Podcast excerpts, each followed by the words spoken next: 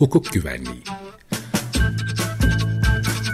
Hazırlayan ve sunanlar Bahri Belen ve Aynur Tuncel. 95.0 Açık Radyo'da hukuk güvenliği. Bugün e, Ümit Altaş'la e, beraberiz. E, Aynur Hanım e, Elazığ'dan geç dönebildiği için yetişemiyor. Ama onun hazırladığı bir yazıyı sonra e, laf arasında ben e, anlatacağım. E, yine yani Anayasa Mahkemesi ile ilgili galiba konuşacağız. Aslında geçen hafta e, e, Açık Radyo dinleyici programımızı dinleyen Açık Radyo dinleyicileri e, nerede bıraktığımızı hatırlayacak. Hani böyle diziler başlarken olur ya geçmiş bölümden kısa bir hızlandırma gibi biz öyle bir şey yapacaktık ama Anayasa Mahkemesi yine e, gündemin başlığıyla geldi. Biz geçen programda duyurusunu yapmıştık. Bu ay aslında her ay hukuk güvenliği programında yaptığımız e, ayın gündemi. Yani e, geçtiğimiz ayın yani Ocak ayının e, gündeminde neler oldu? Bir anlamda yavaşlatılmış bir bakış. O kadar hızlı gidiyor ki gündem yavaşlatılmış bir bakış. Ee, tabii ki bu yavaşlatılmış bakışın en son e, gündemi e, hatırlayacaksınız. E, geçen programda sormuştuk.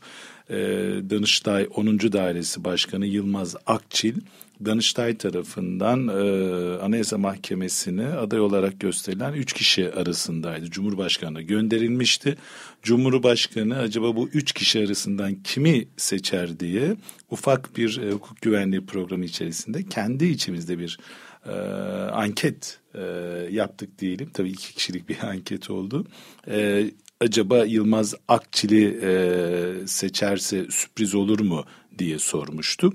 E, bunu sormamızın nedeni e, belki Açık Radyo dinleyicileri Yılmaz Akçil'i tanımıyordur. E, Danıştay 10. Dairesi Başkanıydı kendisi e, ve kendi performans ve karnesinde özellikle iki tane temel baş yani önemli başlık var en azından e, gündeme taşınan. Bunlardan bir tanesi Ayasofya'nın müzeye dönüştürülmesine ilişkin iptal başvurusuydu. E, bu iptal başvurusu reddedilmişti. E, reddeden e, heyetin başında Yılmaz Akçil vardı. Diğeri de İstanbul Sözleşmesi'ne ilişkin e, Cumhurbaşkanlığı'nın e, sözleşmeden çekilme kararına yapılan başvuruydu. Bu başvuruda e, daire baş e, daire tarafından reddedilmişti. Tabii ki tahmin edeceğiniz üzere o heyette de başkan olarak Yılmaz Akçil vardı. Şimdi böyle bir e, üçlünün arasında Yılmaz Akçil e, seçilirse e, Bahar abi şaşırır mısın diye e, sormuştuk. E, genelde şaşırırım şeklinde olan cevabın dışında şaşırmam. İlk kez herhalde uzun süredir programlarda söylenen bir şaşırmam repliğiydi. E, ve dün e, resmi gazetede Yılmaz Akçi'nin yeni Anayasa Mahkemesi üyesi olarak daha önce Abdullah Gül tarafından atanan Muammer Topal'ın yerine atandığı e, ilan edildi, yayınlandı buna ilişkin. Ama burada hemen Sezar'ın hakkını Sezar'a teslim edelim. Hukuk güvenliği programının en öngörülü e, yorumcusu, yayıncısı mı diyelim yani sunucusu ve program yapıcıları içinde e, Ümit Altaş oldu yani. Çünkü Efendim, bunlara e, ön seziyle ve e, aslında Türkiye'nin hukuk tansiyonunu diyelim e, en yakın bir şekilde izleyip e, bu konuda e, öngörülerde bulundum ve bunlarda yanılmadım bugüne kadar. Yani biraz tabii ki mübalağalı oldu ama e, yine de teşekkür ederim. Aslında çok görülen basit bir alan işte tansiyon. Tansiyonu yüksel, tuz yükseltiyor muydu, düşürüyor muydu? Ne oluyordu? Yükseltir. İşte yani tuz yendiğinde e, ya tuz yeme, tansiyon yükselir e, tahmininde bulunmak gibi bir şeye dönüştü. Özellikle bürokrasiyle ya da bu tür e, alanlarda e, gündeme çıkan hakimlerin daha sonra yolunun e, bir anlamda açık olduğu ve kademeleri yüksekçe çıktı. Tabii bu son şeyde bir hatırlatma olarak geçen programdan tekrar dinlemeyenler için e, hatırlatalım. Şimdi peki e, Yılmaz Akçil'in atamasıyla e, ne oldu? E, tabii Yılmaz Akçil'in atamasını 2024 yılında e, yeniden görev süresi dolacak olan Zühtü Aslan ve Emin Kuz'la beraber değerlendirmek gerekecek. Zühtü Aslan 17 e, Nisan'da Anayasa Mahkemesi Başkanı bildiğiniz gibi. E, Emin Kuz da yine Abdullah Gül tarafından yok kontenjanından atanmıştı. O da 12 Mayıs'ta görev süresi dolacak. Yeni transferlerimiz YÖK'ten gelecek tabii ki e, geçen seferde biraz futbol terimleriyle anlatmaya çalıştığımız transfer yetkisi de tamamen Cumhurbaşkanı'nda olacak. Yani bu iki atımı da Cumhurbaşkanı tarafından yapılacak. E, bu durumda tabii ki e, yani biz bunu çok kullanmaktan herhalde Bahri abi birlikte de memnun değiliz. Yani bu anayasada denge e, veya... Ve denetleme e, kurumunun e, tek elde bu kadar toplanmasının e, kuvvetler ayrılığı prensibine çok uymadığı evet, ve belki anayasa... biraz sonra da sözünü evet. edeceğimiz e, Amerikan Yüksek Mahkemesi'nin e, Montesquieu'dan sonra e, yani 50 yıl sonra kuvvetler ayrılığı ile ilgili verdiği bir karar var. On, o, ondan bahsederken e, bu konuda birazcık daha şey yapacağız. Evet denizden değme fırsatımız olacak. Sadece bu e, denge meselesini çok severek söylemiyoruz. Yani hani e, anki iktidara yakın hakimler veya iktidarın karşısında blok olan şeyler ama şimdi en azından e, bu terimlerle konuşacaksak e, ve biraz daha böyle hani medya ve yorumlarda da bu sıkça kullanılmaya başlandı. Yani son 2024 yılında yapılacak atamalarla beraber artık 13 tane yani 15 üyeli Anayasa Mahkemesi'nin 13'ü doğrudan Cumhurbaşkanı ve Türkiye Büyük Millet Meclisi aracılığıyla yani Cumhur İttifakı e, aracılığıyla atanmış olacak. Yani iki tane muhalif üye gibi gözüküyor. Onlardan bir tanesi de Hasan Tahsin Gökcan ve diğeri de Engin Yıldırım olacak. E bakalım çokça konuşacağız Anayasa Mahkemesi'nin 2024 yılında e, özellikle yeni başkanın da kim olacağını hatırlayacaksınız. E, geçtiğimiz yıllarda yapılan başkanlık seçiminde İrfan Fidan Zühtü Aslan karşısında aday olmuştu. Zühtü Aslan 8 oy, Fidan, e, İrfan Fidan ise 5 oy almıştı.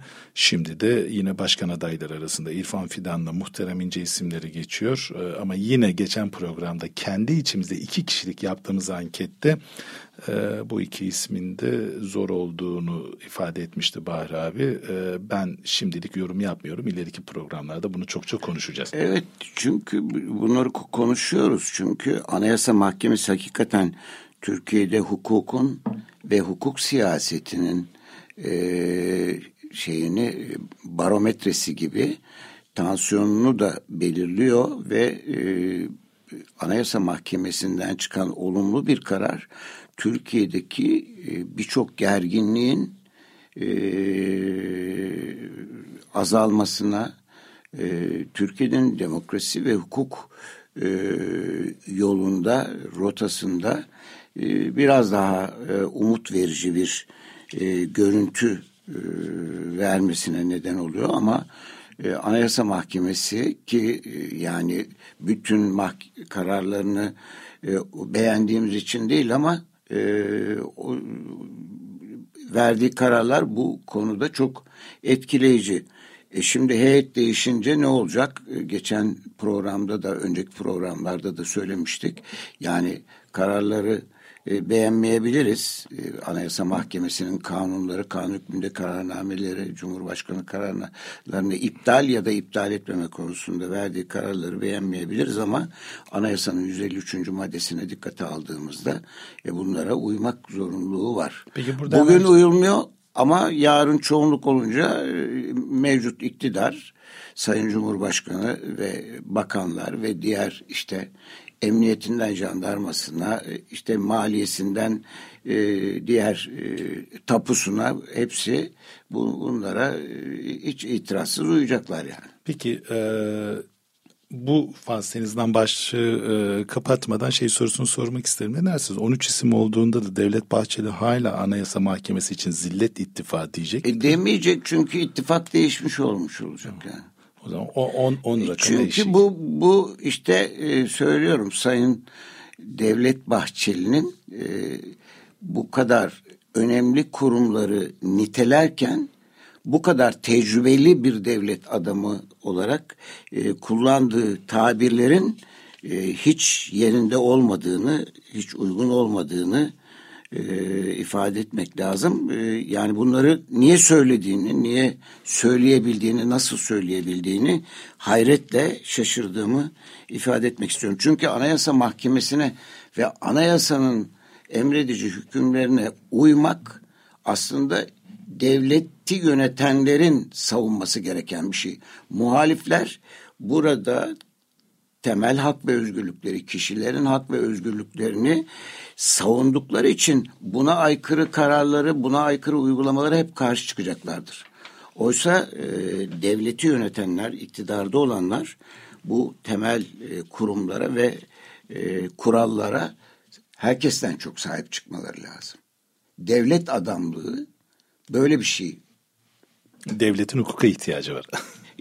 devletin hukuka ihtiyacı var ama e, devletin aynı zamanda hukuk devleti olmasa bile yasaları en azından e, uygulama konusunda bir tutarlılığa ihtiyacı var. Peki ne dersiniz Anayasa Mahkemesi kararlarına geçelim mi yoksa siz arada bir Amerika'daki e, yüksek evet, mahkeme Evet yani bu şimdi Aynur Hanım gelemedi. E, mesela bu çok ilginç bir şey. E, Amerika bülteni de e, Cemal Tunç Demir e, Amerikan Yüksek Mahkemesi'ne elbette oradaki anaya, e, Amerikan Yüksek Mahkemesi e, bir bizim Anayasa Mahkemesi gibi değil ama o Anayasa Mahkemesi'nin fonksiyonları da bizim Anayasa Mahkemesi'nin e, efendim şeylerine e, fonksiyonlarına benziyor. E, hatta e, bizim e, Sami Selçuk Hoca veya Sami Selçuk eski Yargıtay Başkanı Türkiye'de o anlamda bir yüksek mahkeme yok. Yargıtay'da o da Anayasa Mahkemesi de aynı şekilde mahkemeler yüksektir ama Amerikan Yüksek Mahkemesi gibi bir mahkeme değildir diyor. Fakat sonuçta mesela son Anayasa Mahkemesi kararına Yargıtay 3. Ceza Dairesi'nin uymaması olayını yanlış bulduğunu, burada anayasanın 153. maddesinin ve amir hükümlerinin buna kayıtsız şartsız yargının, yasamanın, yürütmenin uyması gerektiğini söylüyor ve dolayısıyla da şimdi yani mecliste e, ismen Can Atalay ile ilgili milletvekilliğinin düşülmesi kararının bu anayasal sistem içerisinde yoklukla mal olduğu. Yani meclisin de bu anayasa mahkemesine kararına uymamakla büyük bir hukuk ihlali yaptığını söylüyor. Şimdi mesela bu Cemal Tunçdemir ben de birçok şeyi öğrenmiş oldum bu yazıdan. Eline kalemine sağlık e, bu e, arkadaşın. Diyor ki e, Amerikan literatüründe bu sıkça bedrak veya işte ana kaya denilen e, bu şekilde tanımlanan yargı hiyerarşisinde en üst e, mahkeme olarak kabul edilen ve yani e, burada özetliyorum tamamıyla okumayacağım. E, 235 yıldır Amerikan devlet düzenini ayakta tutan, anayasanın kesintisiz uygulanmasını sağlayan bir temel taş yani alakaya veya temel taş anlamına geliyor diyor. Aslında yazının da başlığı dünyanın en güçlü kadını. Dünyanın en güçlü kadını denilen bu başlıkla e, kastedilen şey şu. E, aslında dokuz şeyden e, hakimden oluşuyor bu e, Amerikan Yüksek Mahkemesi. Hep bugüne kadar erkek e, üyelerden e, oluşmuş. Ama e, bu 1981 yılında mahkemenin ilk kadın üyesi e, dönemin e, etkili dergisi Time'a göre Justik e, Atsa Last nihayet adalet şeklinde yorumlanmış e, ve e, 81 yılında seçilen e, Sandra Day O'Connor e, çok enteresan bir şekilde yine Ronald Reagan e, tarafından 80 e, seçimlerini kazanan Ronald Reagan tarafından seçilmiş ve Ronald Reagan e, böyle kadınlarla ilgili işte yeterince kadınlara duyarlı bir yönetim yok e, anlayışı eleştirisi üzerine seçimleri kazanırsa Anayasa Mahkemesi'ne ve de görev sırası yeterli olursa bir kadın üyeyi seçeceğini söylemiş. Ve bu kadın üye de e, Sandra Day O'Connor. E, bu kadın aslında hiç beklenmedik bir şekilde çok tanınan bilinen bir kadın yargıç değil. E, ve e,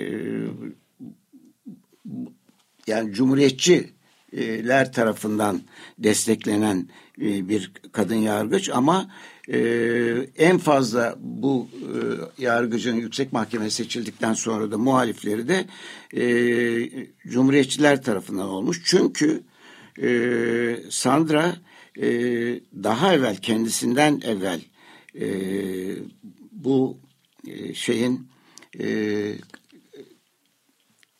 kadınlarla ilgili e, verilen işte şey kararının e, e, doğum kontrolü kararının e, Roe ve Wade şeklindeki Anayasa Mahkemesi, Amerikan Yüksek Mahkemesi'nin verdiği Roe ve e, Wade kararına karşı bir tutum almamış.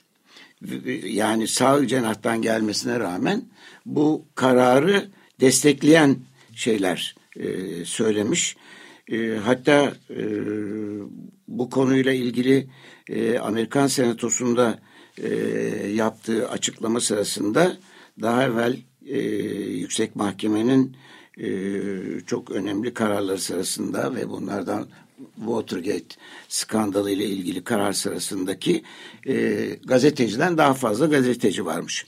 Şimdi yani kararın ya bu yazının Cemal Tunç Demir'in yazısının başında dünyanın en güçlü kadını denmesinin sebebi e, şey e, Sandra Day O'Connor e, ve e, bu kararları çok önemli.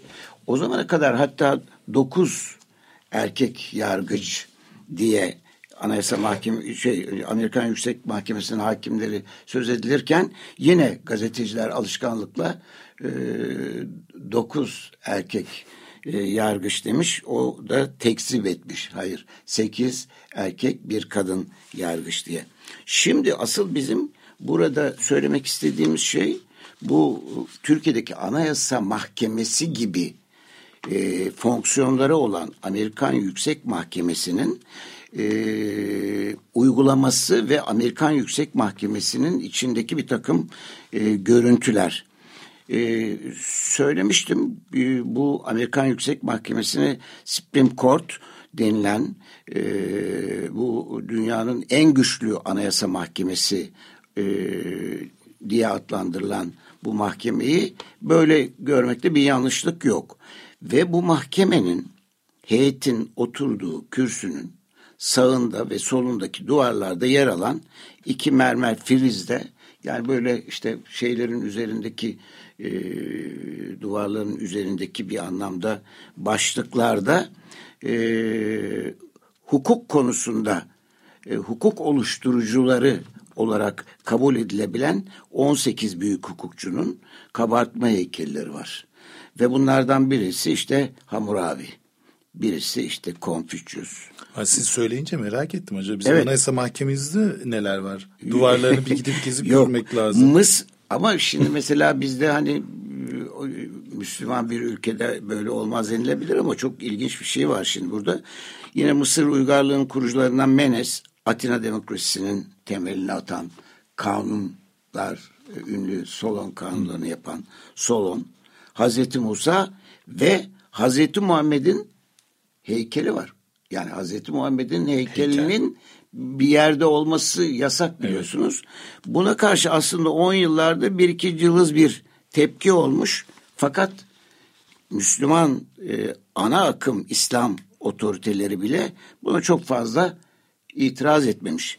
Yani burada Amerikan Yüksek Mahkemesi'nin sağında ve oturduğu yerin karşısında sağında ve solunda yer alan bu mermer frizlerden işte Hazreti Muhammed'in de e, heykeli var. Yine e, Bu arada gerçekten abi merak ettim. Bir ara Açık Radyo dinleyicileri için beraber bir Anayasa Mahkemesi'ne ziyaret gerçekleştirirsek duvarları, yerleşimi, planı, olur, oda şekilleri. Olur. Hatta tamam. şu anda başkan değişmeden, başkan De, değişmeden, değişmeden bir değişmeden. şey yapalım. E, hatta Değişirse bizi almazlar. Burada belki. gene şeyi söyleyeyim. E, 18 kişiyi sayıyoruz ama hepsini sayamayacağız. Çünkü Sayın Cemal Tunç Demir hepsini saymamış. Ben de bilmiyorum Hı. diğerlerini. Yine bu şeyde e, bu heykellerin içinde Avrupa'nın babası sayılan Charlemagne, Magna Carta'yı imzalayan Kral John e, ve e, ilginç bir şekilde mahkemenin dördüncü yüksek mahkemenin kuruluşundan itibaren yani 235 yıllık tarihinde kuruluşundan itibaren dördüncü başkanın heykeli var. John Marshall. Peki diyor Cemal Tunçbilek niye yüksek mahkemenin kurucu başkanı John Jay değil de dördüncü başkanı Marshall'ın e, burada heykeli var. Onu da çok güzel ifade etmiş. Diyor ki John Marshall başkanlığı döneminde 1803 yılında Marbury ve Madison davasında e, kongrenin yaptığı kanunların ve yürütme erkinin aldığı kararların anayasal olup olmadığını karar verme yetkisinin ABD Yüksek Mahkemesi'nin olduğunu söylemiş. Böyle bir iştahat e, kurmuş ve dolayısıyla bu iştahat e, yani meclisin yani kongrenin ve de yürütmenin e, denetimiyle ilgili e, en yetkili merciğin Anayasa Mah- Amerikan Yüksek Mahkemesi olduğunu söylemiş. Bu da diyor e, Montesquieu'nun yani işte kuvvetler ayrılığı, yargı, yasama, yürütme dediğimiz kuvvetler ayrılığı prensibinin söylediği 1748'den beri e, 55 yıl sonra kuvvetler ayrılığı ilkesini tarihte ilk kez uygulayan devlet haline getirmiştir Amerika'yı diyor ve bu nedenle de yani bu e, peygamberlerin Konfüçyüs'ün, Hammurabi'nin, işte Menes'in e, bu kadar ünlü kanun veya hukuk yaratıcılarının yanında e, Amerikan Yüksek Mahkemesi'nin dördüncü başkanının e, adı bu nedenle var diyor. Birinci başkan değil de öyle diyor. Ve ve orada başka bir şey daha söyleyeyim. Şimdi e, Yüksek Mahkemenin mevcut başkanı John Roberts Arkansas'ta federal yargıçlarla bir söyleşi yapmış. Bir araya geldiğinde demiş ki sizden önceki 16 yüksek mahkeme başkanından aldığınız en önemli misyon nedir diye sormuşlar kendisine. O da demiş ki e, yargıçlara en öne, öncelikli ve önemli görevim ABD'de kuvvetler ayrılığı ilkesinin devamını sağlamak. Böyle cevap vermiş. Yani düşünün ki Amerika'da başkanlık sistemi var ki biz bunu 2017 anayasasının referandumuna gitmeden evvel de hocalarımızla, anayasa hocalarımızla konuşmuştuk. Aslında başkanlık sistemlerinde bile kuvvetler ayrılığı çok sert bir şekilde vardır. Yani bakın Amerika yani başkanlık sistemi deyince aklımıza kim gelir önce? Amerika Amerika Birleşik Devletleri gelir. İşte mesela Fransa'da yarı başkanlık sistemi olduğu tartışılır falan. Burada bile e, işte şu andaki evet. e, Amerikan Yüksek Mahkemesi Başkanı John Roberts'ın e, gazetecilere söylediği e, ve sizden evvelki 16 Yüksek Mahkeme Başkanı'ndan öğrendiğiniz en önemli şey nedir lafına karşı verdiği cevap en önemli ve öne, e, öncelikli ve önemli görevim ABD'de kuvvetler aile ilkesinin devamını sağlamak. Bir, bir çok kısa bir şey daha söyleyeceğim ve bu konuyu isterseniz e, kapatacağız. Belki de şey, müzik arasından önce aslında tam bunu bitireyim ben. Evet yani yüksek Peki, mahkeme bir iki atıf daha yapacağız çünkü. Evet. Bir evet şimdi burada diyor ki bir de bu kuvvetler ayrılığını koruma misyonunun güçlü bir hatırlatıcısı olarak bugün bile yüksek mahkeme üyelerinin diyor yani Amerikan yüksek mahkeme üyelerinin ortak yemek odasının duvarında bir resim var diyor. Başka kimsenin değil. Marbury ve Madison davasının iki tarafı olan yargıç Williams Marbury ile dönemin devlet başkanı James Madison e, ki bu e, sonradan ABD'nin dördüncü başkanı olacaktır diyor.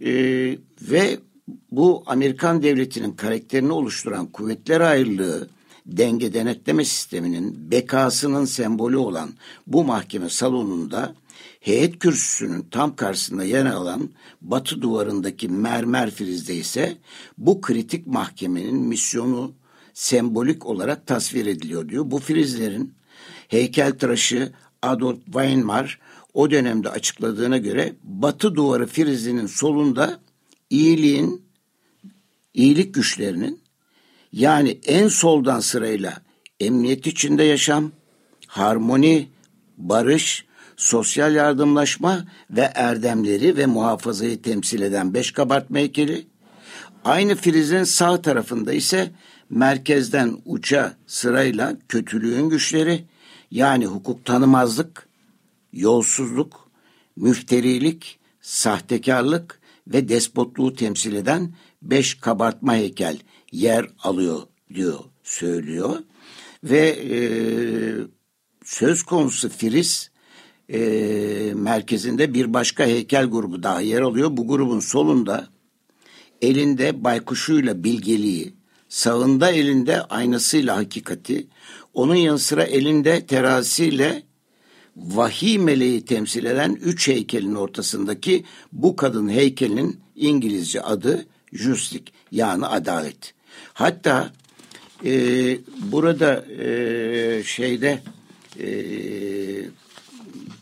mahkemelerin Amerika'daki mahkemelerin e, yargıçlarının e, adı Jut olaraktan telaffuz edilirken yüksek mahkemenin yargıçlarının adına Jut değil Justik diye e, hitap ediliyormuş. E, bu bakımdan e, şeyin Amerikan Yüksek Mahkemesi'nin ve Amerikan Yüksek Mahkemesi'ndeki yargıçların evet orada da ancak bir tane kadın üye seçilmiş e, erkek egemen bir yargı e, olduğunu görüyoruz. E, ama orada bazı kavramlara e, ve bu kavramların oluşmasında tarihsel süreçlere ve oradaki e, kişilere bu yasa ve hukukun e, oluşmasında etkin olan kişilere e, yer verildiği mahkemenin bu kararlarını verirken bunlara bakması ve bunları unutmaması tam karşılarında çünkü e, konusuna işaret eden Cemal Tunçdemir e, Amerika bülteninden Tunç Demir'e teşekkür edelim. E, Belki ileri... oradan bir yazıya daha şey daha sonra müzik arasına geçmemize fayda olacak. Çünkü bu kadar ayrıntılı yüksek mahkemenin koridorlarında dolaştırırken biliyorsunuz yakın zamanda yine yüksek mahkemeyi bolca tartışacağız. Amerika Yüksek Mahkemesi çünkü önünde bir Trump yargılaması var. Kongre binası, işgal, ayaklanma, isyan. Evet. Öyle bir yargılama ki e, aday olup olmama meselesi. E, ondan sonra e, aksine karar çıkmış olsa acaba başka türlü bir e, pozitif anlamda Trump'a mı destek olacak ama tam da bu noktaya gelmişken e, tabii e, Bahri abi biraz e, yüksek mahkemeden bahsederken de Güney Amerika ve Gambiya'nın özellikle Uluslararası Adalet Divanı'na açtıkları dava sonrasındaki bu Batı Doğu denklemindeki özellikle insan hakları meselesindeki değişime de e, işaret etmek ve altını çizmek gerekiyor. Orada da Gambiya yetkilisinin e, Uluslararası Adalet Divanı da açtığı dava sonrasında söylemiş olduğu ülkesiyle ilgili tanım gerçekten de manşetlere çıkaracak bir tanımdı. Neydi o? İnsan hakları konularında büyük, söz sahibi küçük ülke. Ee, bu gerçekten Güney Afrika'nın başvurusuyla bir kez daha e, büyüklük algısının sanki biraz yer değiştirmeye başladığını söyledi tam da bu anlamda son değineceğimiz en azından dünya e, gündemiyle ilgili olarak müzik öncesinde The Guardian'da Paul Tyler'ın yayınlanmış bir yazısı. E, başlığı halkın iradesi hukuk üstünlüğüne karşı. Tam da Batı demişken bu Batı Doğu arasındaki yer değişimiyle beraber e, şeyi söylüyor. Batı'da da popülist politikacılar her seferinde yargıçların yön, yönetimi olarak adlandırdıkları sistemi kınıyorlar ve yetkilerini sınırlandırmanın yollarını e, bulma sözleri veriyorlar e, halka. E, tabii burada e, yakın dönemde yine Amerika Yüksek Mahkemesi işte tartışmaları var. E, Brexit ile ilgili Yüksek Mahkemenin referandumdan sonra bile hükümetin İngiltere'nin Avrupa Birliği'nden ayrılma niyetini bildirmek için hala parlamentonun onayına ihtiyaç duyduğuna karar vermesi sonrasında hatırlayın Daily Mail şöyle bir manşet atmıştı. Yargıçlar için yargıçları rezil bir şekilde halkın düşmanları olarak damgalamıştı. Fransa'da Anayasa Konseyi yakın zamanda parlamento tarafından geçen ay kabul edilen o göçmenlik yasasının önemli kısımlarını iptal etti. Aşırı sağcı Marine Le Pen ulusal mitingi tarafından parlamentonun ve halkın iradesine karşı bir bakın yasal darbe olarak e, kınadı. İsrail'de Benjamin Netanyahu e, hatırlayacaksınız özellikle bağımsız yüksek mahkemenin hükümet kararlarını ve atamalarını geçersiz kılmak için anayasaya benzer temel yasaları yorumlama hakkını engellemeye yönelik bir e, yasa değişikliğiyle gündeme gelmişti. Bu çok ciddi bir sivil kargaşaya neden olmuş. Polonya'yı hiç sormayın.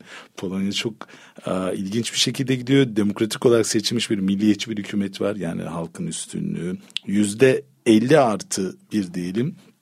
E, ve bu e, Yanayasa Mahkemesi'ni, savcılık ofislerini kendine sadık kişilerle doldurarak ve yargıçları kararları nedeniyle disiplin edecek siyasi olarak kontrol eden bir organ oluşturmuştu. Ve yargının bağımsızlığını ortadan kaldırmak için bir anlamda e, AB ile de karşı karşıya geldi. E, şimdi de Avrupa yanlısı bir hükümet e, onun açtığı hasarları tersine çevirmeye çalışıyor. Birileri Cumhurbaşkanlığı eski bakanlar sığınıyor. Yani e, halkın iradesi hukukun üstünlüğüne karşı başlıklı The Garden'da Paul Tyler'ın e, bu makalesi de özellikle Bahri abi Yüksek Mahkeme'den bahsetmişken e, ve bu zorlu sınavın özellikle Batı dünyasında da önümüzdeki dönemlerde sıkça karşımıza çıkacağı aşikar gibi gözüküyor. E, istersen Bahar abi burada bir müzik arası, arası verelim mi yoksa sen... Hatta bu arada işte bu Lahey Adalet Divanı'ndaki Güney Afrika'nın açtığı davadan da söz ettin. E, eğer e, hocamızın vakti uygun olur ve bir engel çıkmaz ise bu önemli davayı e, gelecek e, programımızda sevgili hocamız Sayın Turgut Tarhanlı'dan değerlendireceğiz. Evet. Yani onun değerlendirmelerini dinleyeceğiz. Ama bir e, aksilik olmazsa bir e, e zaman engeli çıkmaz ise evet. evet. Müzik, e, arası. e, müzik arasından önce iki başlığı da unutmuşum onu da hemen söyleyeyim. En azından Batı şey yüksek yüksek e, bu Batı dünyasında yeni bir e, yine tarihe damga vuracak bir yenilik. Amerika Birleşik Devletleri'nde ilk nitrojen gazı ile idam yapıldı. Ee, aslında evet, evet. 2022 yılında a, yapılmaya çalışıldı ama becerilmedi. Damar yolları bulunamadı. A, artık e, idama mahkum olan a, sanık artık sürekli panik atak geçiriyorum noktasındaydı. E, bu idamlar yine aynı şekilde devam ediyor. Geçen tehlikedeki avukatlar gününde bahsetmiştik İran'dan. İran'da yine e, 23 yaşındaki bir kişi Mahsi Amini a, protestolarına katıldığı e, suçlamasıyla diğer dört kişi de İsrail'e casusluk yapmakta suçlandıkları sebebiyle idam edildi. E, 2021'de idam edilen sayısı İran'da 333, 2022'ye gelindiğinde bu sayı yüzde 75 bir artış gösteriyor ve 582 kişinin idam edildiği raporlara yansımış. En son Federal Anayasa Mahkemesi 6 yıl boyunca da Almanya için Alternatif Partisi'nin kapatılmasını na yönelik taleplere karşı 6 yıl boyunca devlet yardımlarının kesilmesini hükmetti. Yani yüksek yüksek batı dünyalarında bir taraftan göçmenleri Afrika'ya gönderelim bir taraftan diğer meseleler ee, iyi gitmiyor. Tam da belki zamanı Doktor Can'dan Right Place, Wrong Time, doğru yerdeyim ama yanlış zamanda olmalı. 5.0 Açık Radyo'da hukuk güvenliği programı 1 e, Şubat itibariyle 2024 e, devam ediyor. E, Anayasa Mahkemesi'ndeki yeni üyeyi, işte anayasa mahkemelerinin önemini, işte bu arada Amerikan Yüksek Mahkemesi'nin uygulamalarını, onların rehber aldığı kişileri konuştuk. Şimdi belki yine her zamanki gibi e, ve de belki de maalesef e, Türkiye'nin hukuk barometresi e, olan hukukun e, politikasını, hukukun siyasetini e, anlamamıza yardımcı olacak e, Anayasa Mahkemesi kararlarından bazı önemlilerini e, konuşacağız. E tabi bu arada da hemen e, müzik arasında çaldığımız şarkıyla ilgili söyleyeyim. Doğru yerdeydim ama yanlış zamanda olmalı ki o doğru yerdeydim kısmı şu andaki bulunduğumuz yer. Yani doğru yer Açık Radyo. E, bütün Açık Radyo dinleyicilerine Açık Radyo dinlemeye devam etmeleri noktasında yani biz biz doğru yerdeyiz diye herkesi böyle bir Herkes öyle zorlamak olmaz tabii. Şimdi Anayasa Mahkemesi e, bahsetmişken hemen kararlarını da e, şey yapalım. Çünkü kararlarından da bir e, hukuk kriziyle karşı karşıyayız. Anayasa Mahkemesi'nin ilk önce sevindirici bir kararı geldi. Ocak ayında İliç Altın Madeni ile ilgili. Bundan sonra zor bulursun. bakacağız. Bakacağız efendim.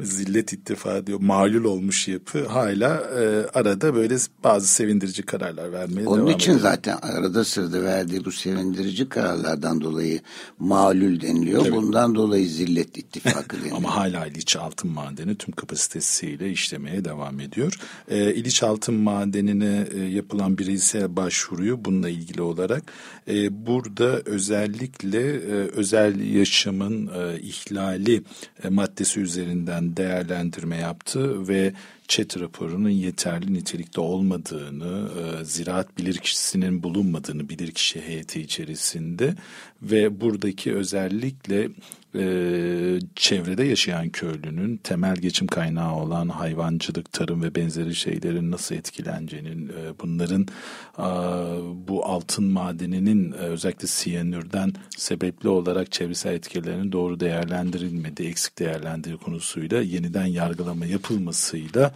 hak ihlali verip e, Erzincan İdare Mahkemesi'ne e, geri gönderdim.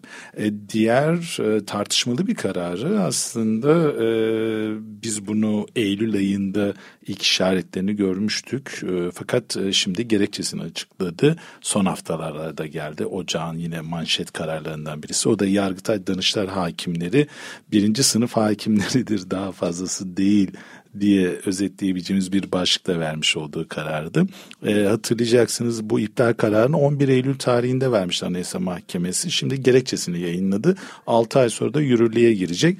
Aslında bu kararın Can Atalay krizini de tetiklediğine dair iddialar vardı. Yani e, neydi buradaki konu?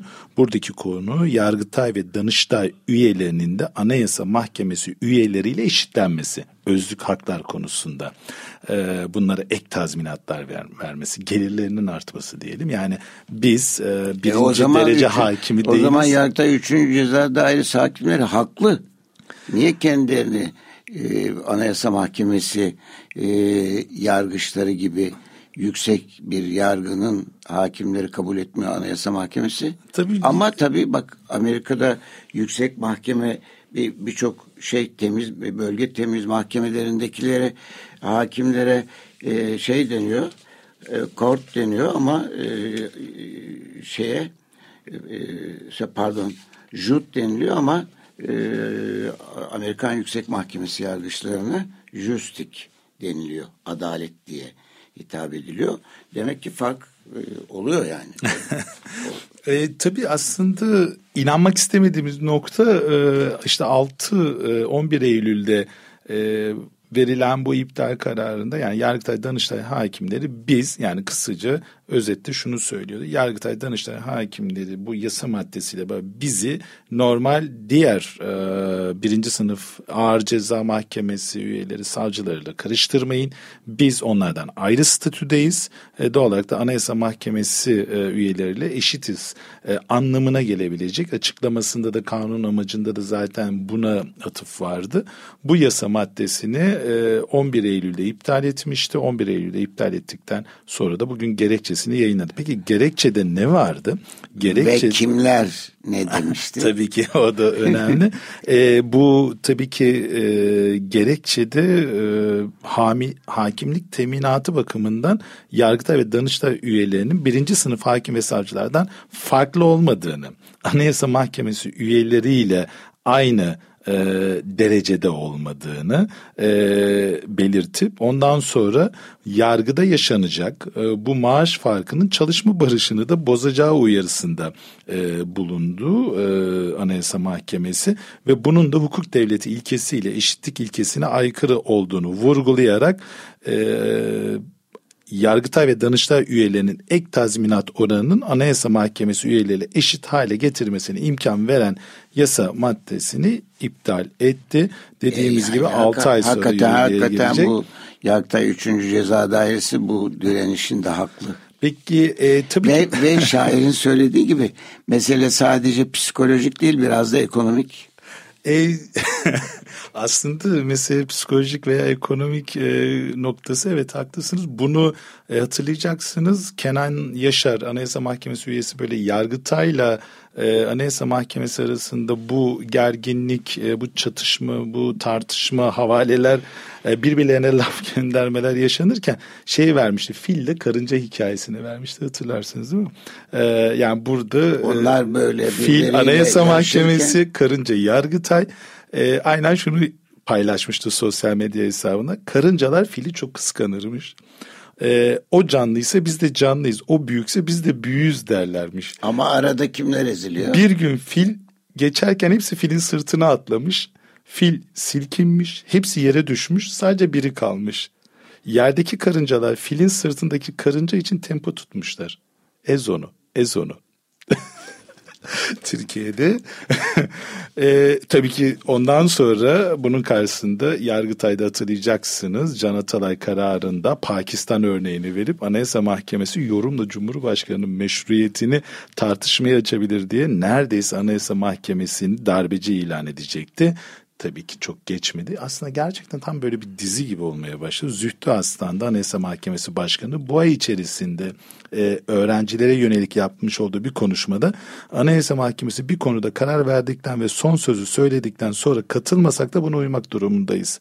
Bir yargı kararına katılmamak farklı, ona uymamak farklıdır. Birincisi meşru, ikincisi gayrimeşrudur açıklamasında bulundu. Peki bu önemli kararın altında bence e, biz geçen programda da hiç bakmadan tahminde bulunsak bile e, tutturamazdık gibi geliyor. Çünkü böyle bir kararda hemen ilk aklımıza gelen e, daha çok bu denge meselesinde iktidara muhalif gibi gözüken Beşli'nin imzasının olacağıydı. Hiç öyle düşünmeyin. Anayasa Mahkemesi Başkanı Zühtü Aslan, Hasan Tahsin Gökçen, Yusuf Şevki Hakyemez ve tabii ki İrfan Fidan karşı tabii oy ki, kullandı. Nasıl, tabii ki nasıl diyebilirsin? Bu bir sürpriz. İrfan Fidan karşı oy kullandı. E, Yusuf Şevki Hakemez de e, aslında sürpriz oldu. E, tam tersi beklenirdi. Yani e, çünkü Zillet İttifakı'nın başı deniyordu Zühtü Aslan ve benzeri şey. İran, Bu İrfan Fidan'ın öbür e, e şey, evet Yusuf Şev, Yusuf Şevki hak yani. yemezdi. Bizim... Zaten çünkü yeni geldi oraya yani. E, onun Ama o, onun yeni ve zaman algısı biraz bilim kurgu seviyorsanız hani böyle zaman atlamaları oluyor ya biz de evet. aynı zaman algısında değil. Yani sizin 3-5 sene içerisinde yapacağınızı bir ayda yapabilme durumu var. Mesela ben 3 e, senedir... Demek ki demek ki ona layık... E, tabii de ben 2 senedir açık radyodayım. Hala koltuk e, için uğraşıyorum ama e, İrfan Fidan yaklaşık bir ay içerisinde doğrudan Yargıtay üyeliğinden hiçbir dosya bakmadan Anayasa Mahkemesi üyesi olduğunun altını tekrar çiziyoruz. Defalarca Ama bak, çizmeye de devam edeceğiz. O da doğru kararlar verebiliyor bak. E, evet. Evet. Hatta son işte bu e, Can Atalay kararına e, Yargıtay 3. Ceza Dairesi'nin ve e, İstanbul 13. Ağır Ceza Mahkemesi'nin e, bu kararlara uymaması e, üzerine verdiği kararda e, artık şey e, bireysel başvuru hakkının da ihlal edildiği konusundaki e, çoğunluğa o da katıldı ve o da dedi ki evet bireysel anayasadaki bireysel başvuru hakkını ihlal ediyor. Yargıtay 3. Ceza Dairesi ve de e, İstanbul 13 Ağır Ceza Mahkemesi dedi İrfan Fidan'da. Sezar'ın hakkı Sezar'a. e, yorum yok. E, tabii burada e, süremizi de biraz tasarruflu kullanmak için aslında çok yoğun bir gündem. E, bu yoğun gündem içerisinde 15-16 sayfalık bir şeyler hazırlamıştık ama 2-3 başlığa ancak değinebileceğiz. Can Atalay'a değinmeden geçmeyelim. Ondan sonra da önemli olan bir anayasa mahkemesinin özellikle bu erişim engelleriyle ilgili e, ilgilendirecek bir kararı var. Şimdi Can Atay, Atalay Vekil'in düşürülmesine ilişkin olarak bir acayip haller başlığını atabiliriz herhalde özellikle hukuk açısından.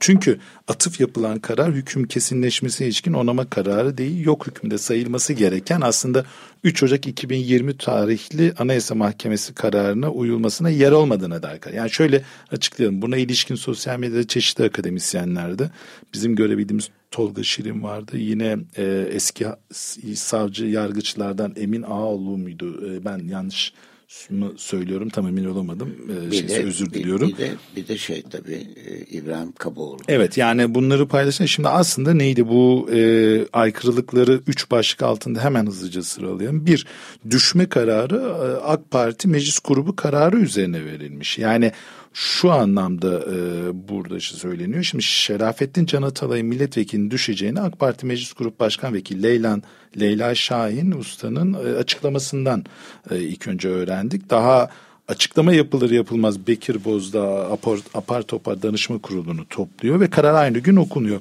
Bu da söz konusu tasarrufun AK Parti meclis grubunun iradesi üzerine alındığını açık bir şekilde ortaya koyduğunu e, belirtiyor Tolga Şirin. E, bu da e, Başkan Vekili Bekir Bozdağ'ın e, özellikle anayasanın Türkiye Bozdağ. Büyük Millet e, Bozdağ e, öngördüğü meclis başkanın tarafsızlığı ilkesini ihlal ettiğine dair önemli olarak bir ibare ediyor. İkincisi ise Türkiye Büyük Millet Meclisi yazışma teamülüne uymadığı tespiti var. E, burada e, kesinleşmiş mahkeme kararlarının Türkiye Büyük Millet Meclisi'ne nasıl ileteceği konusunda net bir kanun hükmü yok ama yerleşmiş bir teamül var. Bu teamüle göre de Yargıtay Adalet Bakanlığı'na, Adalet Bakanlığı Cumhurbaşkanlığına e, geçmişte yani başbakanlık. O da Türkiye Büyük Millet Meclisi'ne e, şeklinde bir e, silsile izleniyordu. Bu silsilede e, nihai olarak da Cumhurbaşkanlığından milletvekilinin düşürülmesi tezkeresi geliyor ve o tezkere de okunuyordu. E, Leyla Güven'de meclise geliyor. Evet, yani meclise grup, gruba geliyor. değil. Tabii meclise geliyor ve Leyla Güven'de böyle oldu. Enis Berberoğlu'nda böyle oldu. Ömer Faruk Gergerlioğlu'nda böyle oldu. E, hepsinde bu usul izlendi. Fakat yaşadığımız bu uygulamada bu usul izlenmedi. Yargıtay 3. Ceza Daire Başkanı Muhsin Şentürk doğrudan Türkiye Büyük Millet Meclisi'ne yazı yazdı. E, bu e, yazılan yazı e, kararın daha hükmün kesinleşmeye ilişkin onama kararı değil yok hükmünde sayılması gereken 3 Ocak 2020 tarihli Yargıtay kararıydı. Aslında e, muhatap İstanbul 13. Ceza Dairesi'ydi. Şimdi e, son olarak da buradaki aykırılıkta ortada bildiğimiz anlamda kesin bir mahkeme kararı yok. E, yani bu kesin mahkeme kararının anayasa 84'e 2 çok açık kesin mahkeme kararının genel kurula bildirilmesiyle olacağı belirtiyor. Ama e, burada anayasanın öngördüğü anlamda bir kesin mahkeme kararı yok. Anayasa Mahkemesi bir ihlal kararı vermiş ve yeniden yargılamaya hükmetmiş. Anayasa Mahkemesi bununla kalmamış ihlalin nasıl yerine getirileceğini de ifade etmiş. Buna karşın söz konusu Anayasa Mahkemesi kararının gereği yapılmadığı için süreç tamamlanmamış. Yani karar kesin nitelik kazanmamıştır. Sonuç itibariyle Türkiye Büyük Millet Meclisi Genel Kurulu'na bildirilen şey bir kesin mahkeme kararı değildir. Peki bu durumda ne yapılabilir şeklinde dört tane e, önerisi vardı. Bir iptal davası açılabilir. Buna ilişkin 120 milletvekiline görev düşüyor. E, özel itiraz yolu var. E, bu özel itiraz yolunda özellikle her ne kadar e, Meclis Genel Kurulu kararın alındığı tarihten başlayarak yani bu götürülmeyeceği belirtilse de yani bu kesinleşmiş mahkeme kararları bu da kesinleşmiş mahkeme kararı olmadığı için bu yola başvurulacağına dair yorumlar var. Diğer Anayasa Mahkemesi'ne yeniden bireysel başvuru yapılabilir ve tabii ki İnsan Hakları Hadi Mahkemesi'ne. Dördüncü kez olacak galiba değil mi? Evet bu. E, ve İnsan Hakları Mahkemesi'ne yeniden başvuru yapılacak. Şimdi tabii bugün zaman kalmadığından dolayı değinemediğimiz başlıklar e, barış akademisyenlerine ilişkin çok önemli gelişmeler var. Bu barış akademisyenleriyle ilgili olarak aslında e, iade olup yeniden ihraç ediliyor şeklinde bir e, teamül gelişiyor. E, ve 6 Şubat depremiyle ilgili yargılamalar var. HSK kararnameleri var. Ee, umarım bunları bir sonraki programlarda yayınlayamadığımızda belki hukuk politik sitesinde tam olarak metnini e, yayınlarız. E, orada en azından bu metne e, dinleyicilerimiz de erişime imkanı bulurlar. Evet. Peki e, biraz daha vaktimiz var. İkinci müzik mi dinleyeceğiz? Aa, bence şeyle bitirelim. Aa, müzik dinlemekten daha çok bir iki tane aslında e, şey var. E, özellikle e, gerçi mahkeme kararında değerlendirsek yetişmeyebiliriz gibi. E, şu anda tabii ki e, Berke ile konuşuyoruz. Berke e, son bir dakikamız kaldığını söylüyor. Bence kalan zaman içerimizde Açık Radyo dinleyicilerimizle vedalaşıp müzik aramızda yetebildiği kadar programımızı koyacağız Evet. yani diyorsunuz. O müzikle ilgili bir söyleyeceğiniz bir şey O var mı? tamamen güzel bir müzik. Peki. Peki o zaman e, belki arkadaşımıza ve Açık Radyo'da emeği geçen diğer arkadaşlara teşekkür edelim. Yeni bir hukuk güvenliği programında buluşmak üzere herkese hoşçakalın. Hoşçakalın.